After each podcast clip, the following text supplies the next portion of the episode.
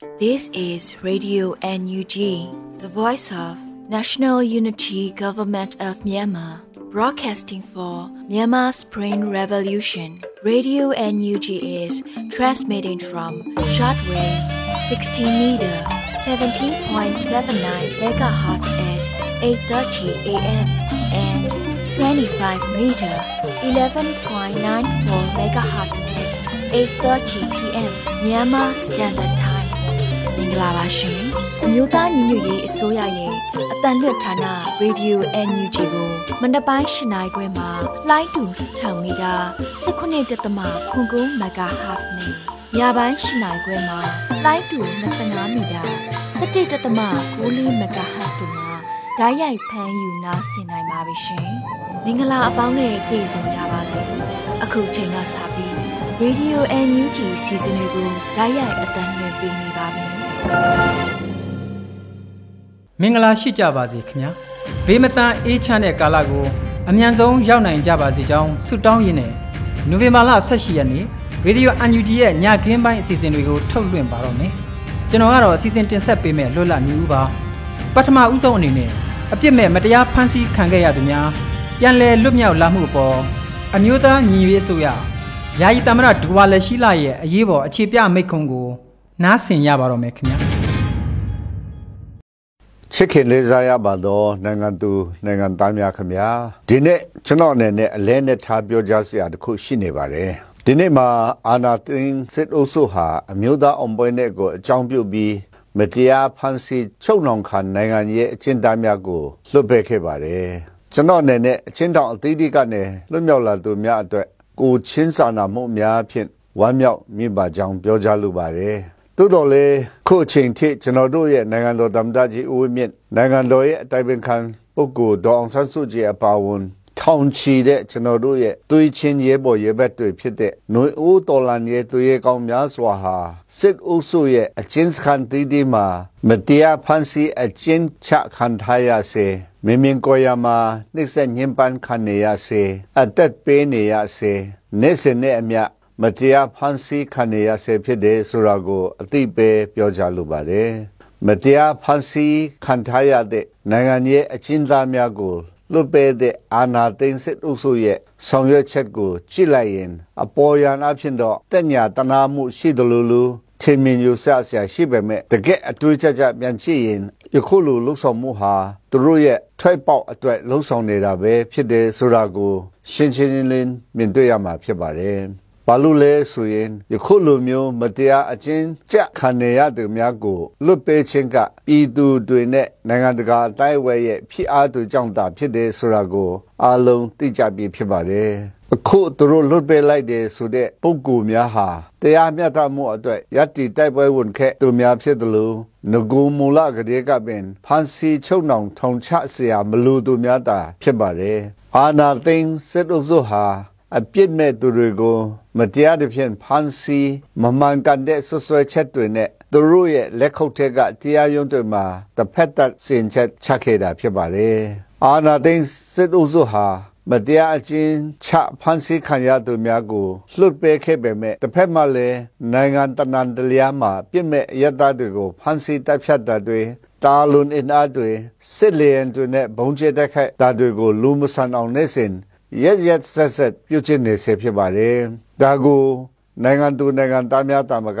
နိုင်ငံတကာအတိုင်းအဝိုင်းအနေနဲ့လေတည်မြင်နားလေကြားလိမ့်မယ်လို့ကျွန်တော်အနေနဲ့ယုံကြည်မျှော်လင့်ပါတယ်။အာနာတင်းစစ်လို့စုဟာမြေစာတစ်ဖက်ရေမုတ်တစ်ဖက်ဖြူဟာကိုသုံးပြီးတက်ညာတနာမှုရှိတယ်လို့လို့နဲ့ရက်ဆက်ယုံမှမှုစရိုက်အပြည့်ရှိတယ်ဆိုတာကိုသတိချပ်ကြဖို့အလဲနဲ့အသိပေးလိုပါတယ် အခုလိုမျိုးမတရားဖန်ဆီးချုပ်လောင်ခံထားရတဲ့နိုင်ငံရဲ့အချင်းသားများကိုလွတ်ပေးမှုသည်နှစ်နေပါရှာမြင့်ပြီဖြစ်တဲ့ຫນွေအိုးတော်လန်ရဲ့ကာလအသွေးပြည်သူအလုံးရဲ့မရက်မနာမမက်မတုံတိုက်ပွဲဝင်နေခဲ့တဲ့အင်အားရဲ့အသေးပွန်ရလာဖြစ်ပါတယ်။သို့တော်လည်းကျွန်တော်တို့ဟာခီးဆုံးပန်းတိုက်ကိုမရောက်သေးပါဘူး။ကျွန်တော်တို့ မိဘပြည်သူလူထုတွေရည်မှန်းတဲ့အန်ဒီမပန်တိုင်ကိုမရောက်ရှိသေးပါဘူးဆက်လက်ချစ်တဲ့ဖို့လူနေသေးတယ်ဆိုတာတတိယပါလို့နှုတ်ဆော်ချင်ပါတယ်အတိတ်သမိုင်းကစစ်အာဏာရှင်အဆက်ဆက်ရဲ့လုံးဇတ်တွေကိုအမြဲတမ်းထားကအန်ဒီမ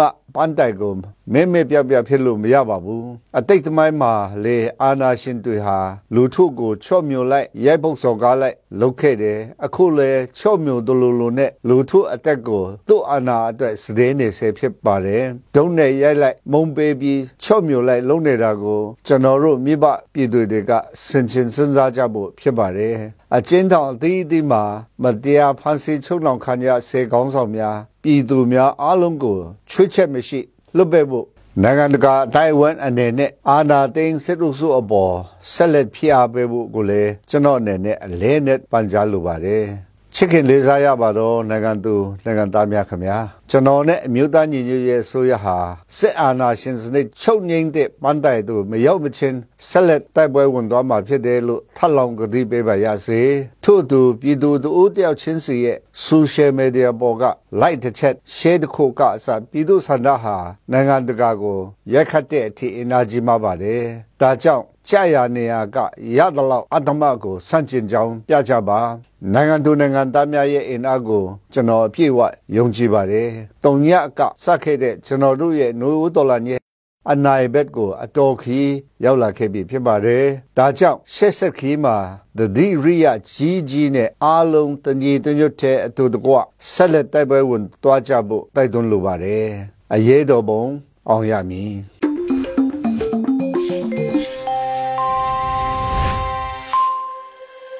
Radio UNG မှဆက်လက်အတန်လွှင့်လျက်ရှိပါတယ်။အခုတင်ပြပေးအောင်မှာကပြည်တွင်းသတင်းများထုတ်လွှင့်မှုဖြစ်ပါတယ်။မျိုးဦးမောင်ကဖတ်ကြားပေးပါမယ်ခင်ဗျာ။မင်္ဂလာပါခင်ဗျာ။ယခုချိန်ကစပြီး Radio NUG ညနေခင်းသတင်းများကိုဖတ်ကြားတင်ပြပေးပါတော့မယ်။ယခုပထမအဦးဆုံးတင်ဆက်ပေးမယ့်သတင်းကတော့အမျိုးသားညီညွတ်ရေးအစိုးရတရားရေးဝန်ကြီးဌာနကစစ်တရားရုံးများအမြန်ဆုံးဖွဲ့စည်းမယ်ဆိုတဲ့အကြောင်းပဲဖြစ်ပါတယ်။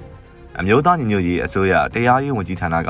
စစ်တရားရုံးများအမြန်ဆုံးဖွဲ့စည်းမယ်လို့နိုဝင်ဘာလ18ရက်နေ့အမျိုးသားညီညွတ်ရေးအစိုးရကာကွယ်ရေးဝန်ကြီးဌာနနဲ့တရားရေးဝန်ကြီးဌာနတို့တွေ့ဆုံဆွေးနွေးခဲ့ရမှာသတင်းထုတ်ပြန်ခဲ့ပါတယ်။တွေ့ဆုံပွဲကိုကာကွယ်ရေးဝန်ကြီးဌာနပြည်ထောင်စုဝန်ကြီးဦးရီမွန်တရားရေးဝန်ကြီးဌာနပြည်ထောင်စုဝန်ကြီးဦးသိန်းဦးတရားရေးဝန်ကြီးဌာနအမြဲတမ်းအတွင်းဝန်ဦးမင်းအောင်ခိုင်ညွှန်ကြားရေးမှူးချုပ်များဒုတိယညွှန်ကြားရေးမှူးချုပ်များ ညွှန်ကြားရေးမှူးများနဲ့နှစ်ဖက်ဝန်ကြီးများမှတာဝန်ရှိသူများတက်ရောက်ခဲ့ကြပါတယ်။အစည်းအဝေးတွင်စစ်ဘက်ရက်ဘက်တရားစီရင်ရေးကိစ္စမူဝါဒချမှတ်ရေးစစ်တရားရုံးများအမြန်ဆုံးဖွဲ့စည်းနိုင်ရေးပြည်သူ့ကာကွယ်ရေးတပ်မတော်ဥပဒေတရက်ရေးဆွဲပြဋ္ဌာန်းနိုင်ရေးနဲ့အခြားအထွေထွေဆွေးနွေးမှုများဆွေးနွေးခဲ့ကြပါတယ်ခင်ဗျာ။ဆက်လက်ပြီးຫນွေဦးတော်လန်ရေးရာဂိုင်နှုံးပြည့်အောင်မြင်ဖို့တမျိုးသားလုံးနဲ့တနိုင်ငံလုံးပါဝင်ရန်ပြည်ထောင်စုဝန်ကြီးဒေါက်တာဇော်ဝေဆိုးကတိုက်တွန်းခဲ့တဲ့သတင်းပဲဖြစ်ပါတယ်။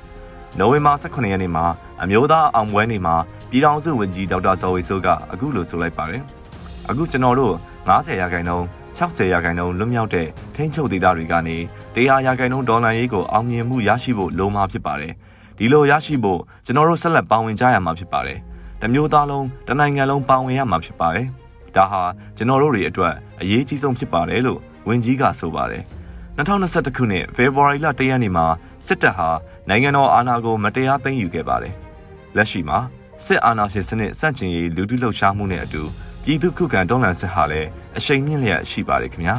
။ဆက်လက်ပြီးကလေးတငယ်တွေရှိတဲ့နေရာကိုအကြမ်းဖက်စစ်တပ်ကလက်နက်ကြီးများနဲ့ပစ်ခတ်မှုဟာတိုက်ဆိုင်တာမဟုတ်တော့ဘူးလို့ပြည်ထောင်စုဝန်ကြီးဒေါက်တာတူခေါင်ကဆိုခဲ့တဲ့သတင်းပဲဖြစ်ပါတယ်။နိုဝင်ဘာလ18ရက်နေ့မှာပြည်ထောင်စုဝန်ကြီးဒေါက်တာတူခေါင်ကလူမှုကွန်ရက်မှနေတဆင့် ယခုလိုရေးသားပြောဆိုလိုက်ပါတယ်။ဟိုတခါမိုးမောင်မြို့ပေါ်ကမူဂျိုကျောင်းကိုလက်နက်ကြီးနဲ့ထုတယ်။အခုဒမောဆိုမြို့ပေါ်ကမူဂျိုကျောင်းထုပြန်ပြီ။ကလေးတယောက်ဆုံးပြီးရှစ်ယောက်တန်ရာရတိုက်ဆိုင်မှုတော့မဟုတ်တော့ဘူးလို့ဝန်ကြီးကဆိုပါတယ်။နိုဝင်ဘာလအတွင်းကရင်နီဒေသဒမောဆိုမြို့အတွင်းကမူဂျိုကျောင်းကိုအကြမ်းဖက်စစ်တပ်ကလက်နက်ကြီးနဲ့ပစ်လို့ကလေးငယ်တအူးသေပြီးရှစ်ဦးဒဏ်ရာရရှိခဲ့ပါတယ်ခင်ဗျာ။ ဆက်လက်ပြီး CDF မတူပီရဲဘော်များအတွက် CDF မတူပီ Fundraising Committee မှရန်ပုံငွေရှာဖွေခြင်း Live Charity Concert ကို NUG ပြည်ထောင်စုဝန်ကြီးများတက်ရောက်မယ်ဆိုတဲ့အကြောင်းပဲဖြစ်ပါတယ်။ CDF မတူပီ Fundraising Committee မှရန်ပုံငွေရှာဖွေခြင်း Live Charity Concert ကိုနိုဝင်ဘာ19ရက်နေ့တွင် US စံတော်ချိန်ည8:30မှာကျင်းပမယ်လို့သတင်းရရှိပါတယ်။၎င်း Live Charity Concert တွင်အမျိုးသားညီညွတ်ရေးအစိုးရမှအပြည်ပြည်ဆိုင်ရာပူးပေါင်းဆောင်ရွက်ရေးဝန်ကြီးဌာနနဲ့ ဆက်သွယ်ရေးသတင်းအချက်အလက်နဲ့ဤပညာဝန်ကြီးဌာနတို့မှပြည်ထောင်စုဝန်ကြီးများပါဝင်ဟောပြောမှာလည်းဖြစ်ပါတယ်။ CDF မတူဘီအတွက်တက်နိုင်သလောက်အလူငွေများများထည့်ဝင်လှူဒန်းပေးကြပါရန် CDF မတူဘီ Fundraising Committee မှတိုက်တွန်းနှိုးဆော်ထားပါတယ်ခင်ဗျာဆက်လက်ပြီး Federal Democracy ပညာရေးစနစ်ကိုအကောင့်ထဲဖော်မဲ့ပညာရေးမူဝါဒဒုတိယမူချမ်းမကြခင်ပြီးဆုံးတော့မယ်လို့ပညာရေးဒုဝန်ကြီးကအသိပေးဆိုခဲ့တဲ့သတင်းပဲဖြစ်ပါတယ်။ နိုဝင်ဘာ18ရက်နေ့မှာပညာရေးဒုဝန်ကြီးဒေါက်တာဆိုင်းခိုင်မျိုးထွန်းကယခုလိုဆိုခဲ့ပါတယ်။ယခုဆိုရင်ပထမမူချမ်းကိုပြီးပြီးတော့ဒုတိယမူချမ်းကိုပုံမကျယ်ပြန့်စွာပုံမလေးနက်စွာနဲ့အနာဂတ် Federal Democracy နိုင်ငံကိုအကောင့်ထဲပေါ်တဲ့နေရာမှာအထောက်အကူပြုလာတဲ့ပညာရေးစနစ်ကြီးဖြစ်အောင်သိမကြခင်မှာပညာရေးမူဝါဒမူချမ်းကပြီးဆုံးတော့မှာဖြစ်ပါတယ်လို့ဆိုပါတယ်။ လက်ရှိမှာအမျိုးသားညီညွတ်ရေးအစိုးရပညာရေးဝန်ကြီးဌာနဂျာကာလာပညာရေးကိုအကောင့်ထဲပေါ်ဆောင်နေပြီးတော့အထက်တန်းအဆင့်ပညာသင်ပြီးမြောက်ခြင်းစာမေးပွဲများကိုလည်းမကြာမီစစ်ဆေးတော့မှာဖြစ်ပါတယ်ခင်ဗျာ။ဆက်လက်ပြီးအကြမ်းဖက်စစ်တပ်ကခင်ဦးမြို့နယ်ထဲရှိကျေးရွာများကိုဝင်းရောက်တောင်းကျမ်းပစ်ခတ်၍ယနေ့မနက်ကာကွယ်ရေးတပ်ဖွဲ့ဝင်တို့လက်နက်ကြီးထိမှန်ကြာဆုံးခဲ့တဲ့တဲ့တင်ပဲဖြစ်ပါတယ်။စကိုင်းတိုင်းရေဦးမြို့နယ်မှာအထိုင်ချထားတဲ့အကြမ်းဖက်စစ်တပ်မှခင်ဦးမြို့နယ်ထဲရှိကျေးရွာများကို ဝင်းရောက်တောင်းကျမ်းပစ်ခတ်၍ယနေ့မနက်ကာကွယ်ရေးတပ်ဖွဲ့ဝင်တို့လက်နက်ကြီးထိမှန်ကြာဆုံးခဲ့ပါတယ်။နိုဝင်ဘာ18ရက်မနက်ပိုင်းမှာကံကြီးကုန်းအရှိတ်ပတ်လဲကြားများမှ DY2 မူးပေါင်မနီကုန်းမှတပင်ကောင်းဘက်ဥတီထွက်ခွာလာပြီးလက်နက်ကြီးပစ်ခတ်ခဲ့တာလို့ဒေသခံများထံကစုံစမ်းသတင်းရရှိပါတယ်။အဆိုပါပစ်ခတ်မှုကြောင့်ကာကွယ်ရေးရဲဘော်တို့ဦးကြဆုံးခဲ့ရပြီးနှစ်ဦးဒဏ်ရာရရှိခဲ့တယ်လို့သိရပါတယ်။အဆိုပါစစ်ကြောင်းဟာနိုဝင်ဘာ18ရက်နေ့ရေဦးမြို့တိုင်းရင်းစေးရုံမှာအင်အား80ခန်းနဲ့ မုံမြက်ကူတရာအရှိတ်ခြေလျင်တက်လာ၍ခင်ဦးနယ်အနောက်တောင်ချမ်းညောင်ပင်ချမ်းဆယ်ကြီးကုန်းသာကျေးရွာတို့ကိုတော်လန်အတိုင်းစစ်ကြောင်းထိုးလာခဲ့တာဖြစ်ပါတယ်။ယခုတင်ပြပေးခဲ့တဲ့သတင်းတွေကိုတော့ Radio NUG သတင်းတောက်မင်းမင်းကပေးပို့ပေးထားတာဖြစ်ပါတယ်ကျွန်တော်ကတော့ຫນွေဦးမှာပါခင်ဗျာ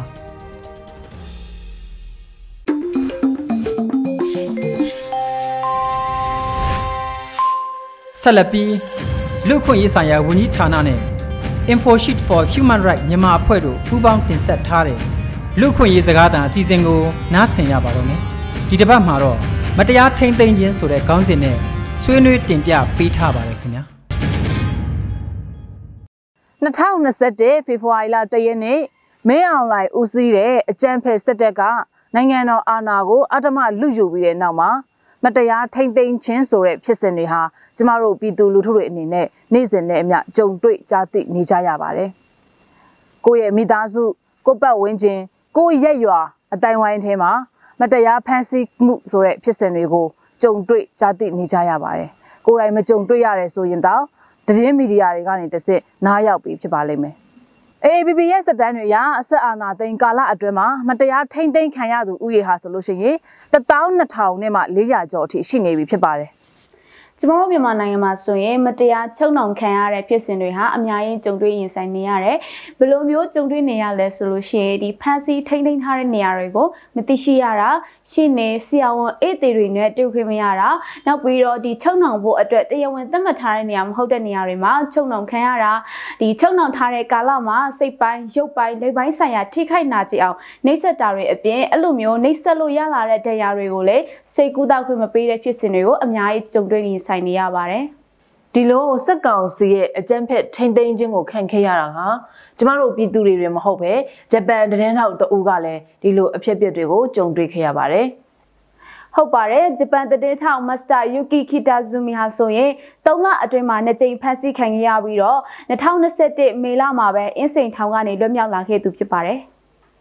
မစ္စတာယူကီဟာဆိုရင်ပထမအကြိမ်ဖက်ဆီးခံရတဲ့အချိန်မှာ press အုပ်ထုတ်ဆောင်ထားတဲ့သတင်းထောက်ဖြစ်ပေမဲ့ဒီရေးတပ်ဖွဲ့ဝင်တွေရဲ့ဝိုင်းဝန်းရိုက်နှက်ဖက်ဆီးတာကိုခံခဲ့ရတယ်သူကိုယ်တိုင်စစ်ကြောရေးမှာမရောက်ပေမဲ့ဒီစစ်ကြောရေးမှာနှိစက်တာကိုခံခဲ့ရတဲ့နိုင်ငံရဲ့အကျဉ်းသားတွေကသူ့ကိုလာပြီးတော့ပြောပြလာတယ်ရှိတယ်။မစ္စတာယူကီကိုလာပြောပြတဲ့နိုင်ငံရဲ့အကျဉ်းသားတူဟာဆိုရင်စစ်ဆေးနေတဲ့အချိန်တွေမှာပဲဓာတ်နဲ့တနက်ကြိုက်ရအောင်ရွေးခိုင်းတယ်သူကတနက်ကိုရွေးတဲ့အခါမှာ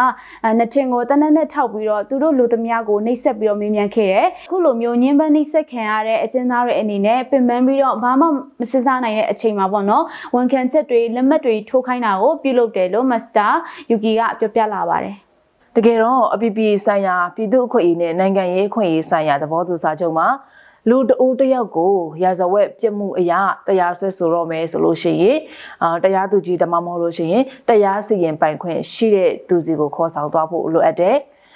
အဲ့ဒီတရားစီရင်မှုကအချိန်အတိုင်းအတာတစ်ခုမှမပြီးပြတ်ဘူးဆိုလို့ရှိရင်ဖန်ဆီးထားခွင့်လုံးဝမရှိဘူးတကယ်လို့တရခံလို့ဆွဆွဲခံရတဲ့သူကလိုအပ်တဲ့ဆက်စစ်ကြနာမှုမှာအာနော်ဒီလာရောက်ဖို့အတွက်အာမခံမှု လုံနိုင်နေဆိုလို့ရှိရင်အဲ့ဒီတရခံကိုပြန်လွှတ်ပေးရမှာဖြစ်တယ်ဆိုပြီးတော့ဒီစာချုပ်ထဲမှာဖော်ပြထားပြီးသားဖြစ်တယ်မြန်မာနိုင်ငံရဲ့ပြည်တွင်းဥပဒေတစ်ခုဖြစ်တဲ့ပြည်မှုဆိုင်ရာကျင့်ထုံးဥပဒေမှာလည်း24နာရီထဲကြော်လွယ်ပြီးတော့မှဖမ်းဆီးမယ်ဆိုလို့ရှိရင်တရားသူကြီးစီကနေပြီးတော့မှချုပ်ရမှန်ယူဖို့လိုအပ်တယ်ဆိုပြီးတော့ဖော်ပြထားတယ်ပေါ့နော်။ဒါတွေအပြင်တစုံတစ်ယောက်ကိုချုပ်နှောင်ထားခြင်းမှာအစာအသောက်နဲ့အဝတ်အစားရရှိရမယ်။တန့်ရှင်းတဲ့တောက်ရည် နေ့စဉ်ရေချိုးခွင့်ကျွေးတဲ့အစားအစာတွေကကောင်းမွန်လုံလောက်ရမယ်။ဥပဒေအကြံဉာဏ်ယူခွင့်ရှိရမယ်။အမျိုးသမီးအချုပ်သားတစ်ယောက်ကိုပို့ဆောင်တဲ့အခါမှာ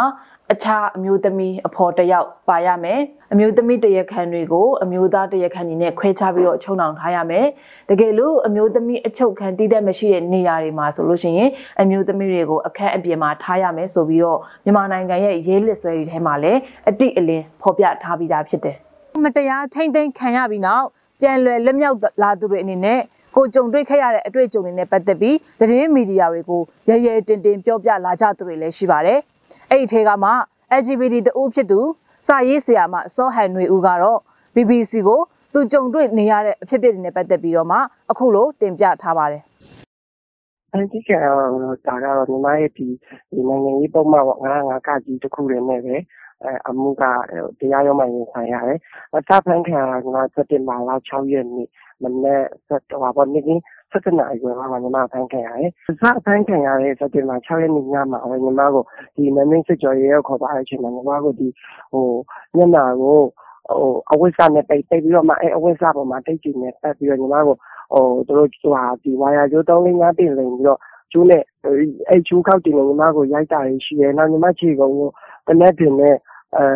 ထုပြီးရိုက်နှက်တာတွေရှိတယ်။နောက်ညီမရဲ့လက်သည်းရှည်တွေကိုပလာယာတွေနဲ့ဆွဲလိမ်တာမျိုးတွေရှိတယ်။နောက်ညီမရေစာတော့ရေနွေးတောင်းတောက်တဲ့အချိန်မှာညီမကိုရေနွေးကောင်းကောင်းမပေးဘဲနဲ့ညီမဂျိုခေါင်းကိုရေနွေးပူလောင်းချတာရှိတယ်။နောက်ဒီရဲစခန်းမှာပြန်ခေါ်လာပြီးစစ်တော့လည်းညီမကိုဓါးနဲ့မုန်းတာတွေရှိတယ်။နောက်ညီမကိုထန်းလတ်တွေနဲ့ရိုက်တာ၊နောက်အရက်ပျံတွေနဲ့ထန်းတာတွေရှိတယ်။”တစုံတယောက်ကိုပြစ်မှုကျူးလွန်တယ်ဆိုတဲ့စွပ်စွဲချက်နဲ့ဖမ်းဆီးမယ်ဆိုပါစို့ ဖမ်းဆီးခံရတဲ့သူကပြစ်မှုကျူးလွန်သည်ဖြစ်စေမကျူးလွန်သည်ဖြစ်စေဖမ်းဆီးတဲ့အခါမှာလိုက်နာရမယ့်ကျင့်ဝတ်တွေဥပဒေတွေရှိပါတယ်။ကုလသမဂ္ဂရဲ့အရင်လူခွင့်ရေးကော်မရှင် resolution 1990ခွင့်မြင်းဆောင်90အရလူတအိုးတယောက်ကိုဖမ်းဆီးတဲ့အခါမှာဥပဒေအရဖမ်းဆီးချုပ်နှောင်ခြင်းမရှိတာ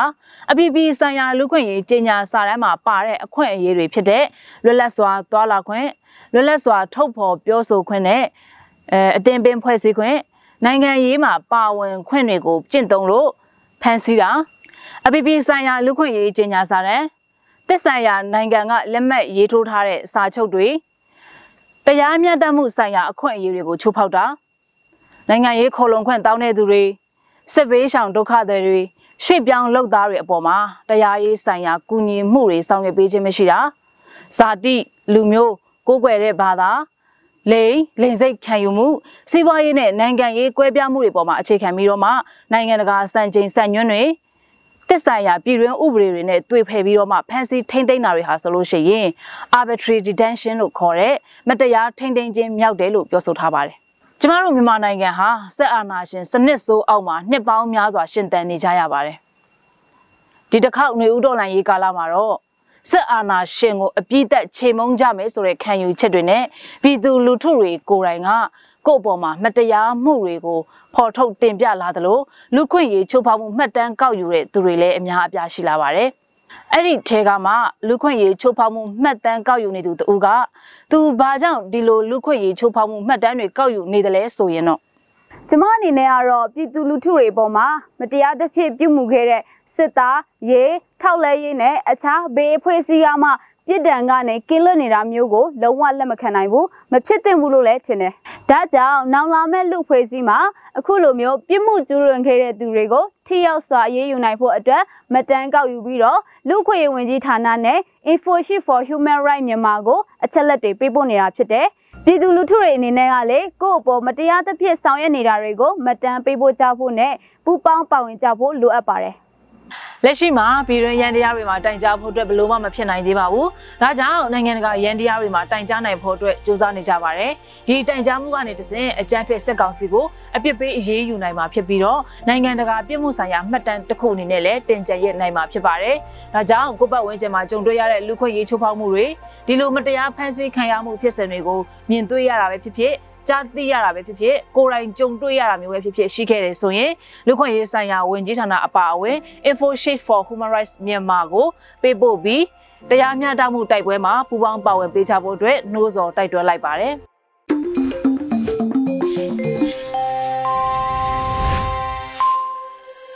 တောတာရှင်များခင်ဗျာတန့်ဝေကျော်တင်ဆက်ထားတဲ့ဖြစ်ကြောင်းကုံစင်အညာတခွင်အစီအစဉ်အပိုင်း26ကိုဆက်လက်နားဆင်ကြရမှာဖြစ်ပါတယ်ခင်ဗျာ အညာတခွင်အဖြစ်ကြောင်းပုံစံပြောပြရရင်အာနာရှင်တော်လည်းအမြင့်ဖြုတ်ဖို့မြင်တော်လူတော်ကပြည်သူများညီညွတ်လို့ပင်ပတ်စစ်တော်လည်းထပ်ပါလိမ့်မယ်ထင်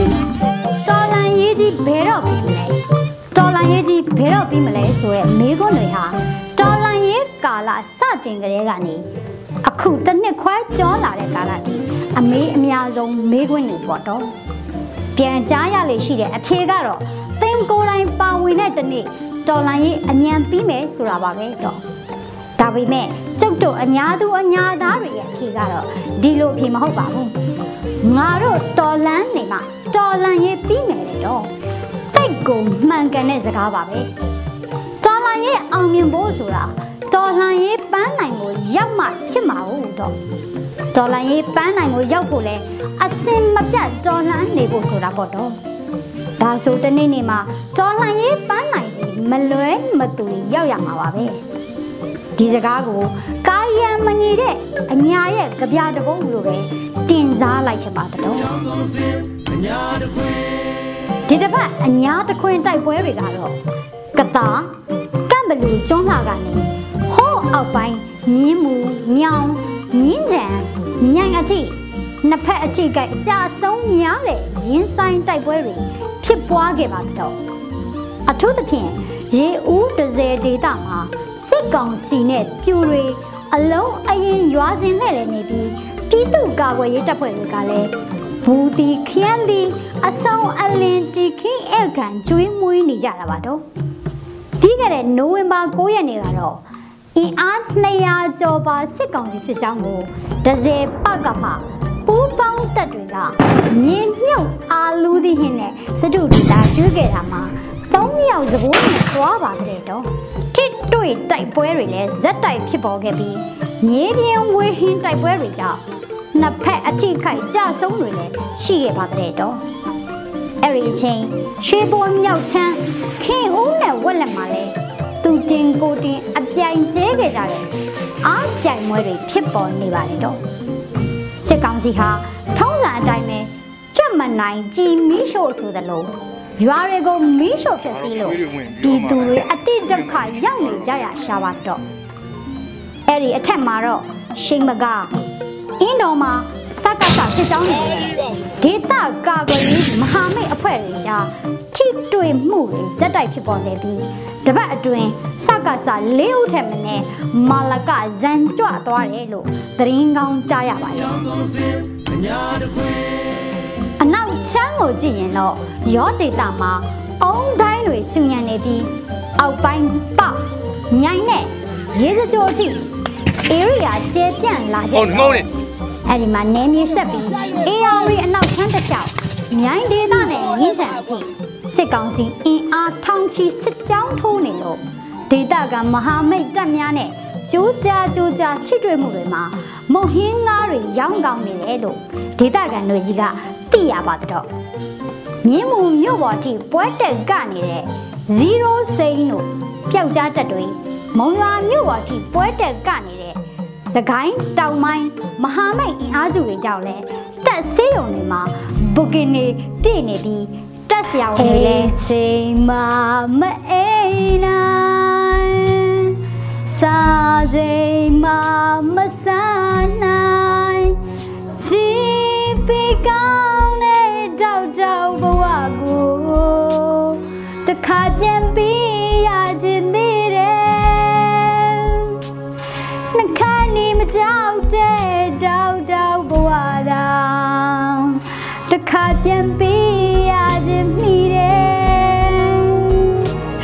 ဆိုပြီးရင်ထုငိုးနေရရှာပါတဲ့တော့ရင်ထုနေရင်အင်ဥတောင်မစားရဘူးနော်ပြည်သူရင်ဝင်သာခုံဝင်လိုက်အော်ဇီမာဂေါ်လီရိုက်နေလို့ရတယ်လို့ပဲအကြံပြုပြရစီတော့အဲဒီလိုအညာစစ်ပောင်ကျဲလာတဲ့နဲ့မျှအညာစစ်ဆောင်ဟာလဲစတဲ့တဘူတိုးလာတဲ့တော့အညာစစ်ဆောင်ပြဿနာကိုမဖြေရှင်းနိုင်ရင်မကြခင်အညာတစ်ခွင်မှာအငတ်ဘေးတင်နိုင်တဲ့ပြဿနာလည်းဖြစ်တာကြောင့် ကုလာတွေယူရတွေအသာထားနေသားသေးတဲ့အကြေမြမာကပဲအရေးကြီးသွေးစည်းကကူညီပေးကြပါအောင်လို့နှိုးစော်သမှုပြုတ်လိုက်ရပါတော့ရွာလေးတွေအခုတော့စပြေး